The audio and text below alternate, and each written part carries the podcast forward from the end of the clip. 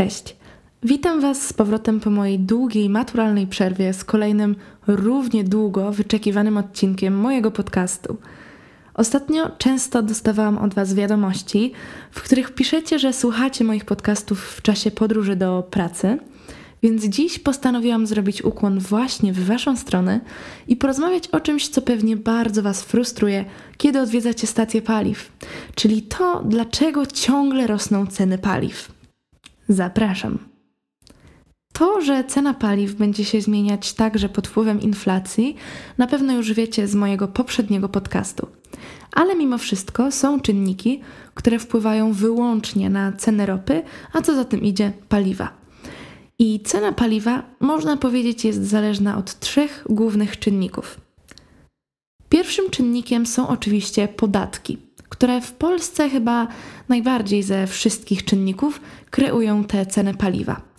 Obecnie około połowa ceny, którą płacimy za benzynę, jest zabierana w ramach właśnie podatku. I w tę cenę jest wliczona bardzo wysoka akcyza, opłata paliwowa, opłata emisyjna, no i oczywiście nasz 23% podatek VAT. Ale spróbujmy się przyjrzeć temu z bliska. Jeśli przyjmiemy, że litr oleju napędowego kosztuje na stacji 4,75 zł, to opłaty będą rozkładać się następująco. 89 groszy przeznaczymy na podatek VAT. Kolejno 2 oraz 24 grosze kosztować nas będą marża detaliczna oraz opłata paliwowa. Następnie pozostaje nam akcyza i w tym przypadku będzie to aż złoty 15 za 1 litr. Czyli po pominięciu tych wszystkich podatków oraz opłat okazuje się, że benzyna mogłaby kosztować nawet 2,30 czy 2,50 za litr, czyli tak naprawdę nawet dwa razy mniej. W moich wyliczeniach wziąłam już pod uwagę marżę detaliczną, czyli właśnie drugi czynnik, który wpływa na cenę paliw. Marża detaliczna to po prostu marża, którą pobiera stacja paliw na pokrycie swoich kosztów, innymi na wypłaty dla pracowników, opłatę rachunków czy konserwację swoich urządzeń. Natomiast trzecim, najbardziej dynamicznie zmieniającym się filarem są ceny paliw w rafineriach. Ceny paliw w rafineriach bezpośrednio przekładają się na ceny właśnie paliwa na stacji. Na przykład w listopadzie 2020 roku cena benzyny w PKN Orlen podniosła się o 58 groszy za litr, a olej napędowy podrożał aż o 76 groszy za litr. I to wszystko w ciągu miesiąca. I mimo, że ceny paliw w rafineriach są bardzo wpływowym czynnikiem, jest to czynnik, na który po prostu nie mamy wpływu. Dlatego, że ceny paliw w rafineriach są oczywiście ściśle powiązane z cenami ropy na rynku, a te zmieniają się absolutnie dynamicznie. Spójrzmy na to w ten sposób. Pod koniec października 2020 roku baryłka ropy kosztowała niecałe 40 dolarów. Obecnie w maju 2021 roku, czyli troszkę ponad pół roku później, cena za baryłkę ropy utrzymuje się już na poziomie prawie 70 dolarów. I owszem, kwota tych 30 dolarów może wydawać się niektórym całkiem znośną podwyżką, ale musimy wziąć pod uwagę to, że po prostych kalkulacjach okazuje się, że wyłącznie przez tę 30-dolarową podwyżkę kwota ropy wzrosła od października o 70 czy 80 groszy na jednym litrze. I tutaj narasta pytanie, co wpłynęło na tak dynamiczną zmianę ceny baryłki ropy. W tym momencie mówi się o tym, że na podwyżkę cen ropy największy wpływ miał COVID. I chyba nie jest to dla nas specjalnie szokujące. Stopniowo na nowo wzrasta zapotrzebowanie na paliwa w Azji i w Stanach, a coraz więcej osób zaczyna po prostu podróżować samochodami w związku z ogólnym poluzowaniem się obostrzeń pandemicznych. I jestem przekonana, że wiele z Was, przejeżdżając właśnie koło takich stacji paliw, zastanawia się, czy ta cena ropy w końcu kiedyś spadnie, czy jednak będzie się ciągle utrzymywała taka tendencja wzrostowa. Teoretycznie tak, jest możliwość, że cena ropy spadnie. Po pierwsze, z jakichkolwiek powodów mogłaby spaść cena samej baryłki ropy. Ale przy rosnącym na nią popycie po wyjściu z covidowego lockdownu, wydaje się to być póki co mało możliwe. Z drugiej strony natomiast polski rząd mógłby także obniżyć podatki lub te dodatkowe opłaty paliwowe.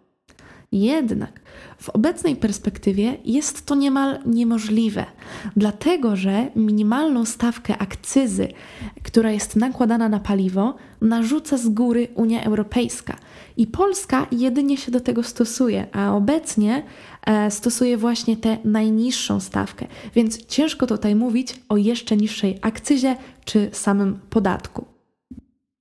Ponadto musimy pamiętać o tym, że paliwo jeszcze bardzo długo pozostanie wysoko opodatkowane, dlatego że jest towarem pierwszej potrzeby, bez którego tak naprawdę ciężko wyobrazić sobie funkcjonowanie we współczesnym świecie. Bez względu na jego cenę, popyt na paliwo zawsze będzie duży, bo jest ono obecnie po prostu niezbędne czy za 5 zł za litr, czy za 10, znaczna część obecnych konsumentów paliwa i tak będzie je kupowała, bo będzie po prostu musiała. Ponadto przy podnoszeniu podatków na paliwo zawsze można użyć świetnego argumentu zanieczyszczeń, które paliwa produkują, no i wynikającej z nich potrzeby na pewne opłaty środowiskowe czy emisyjne.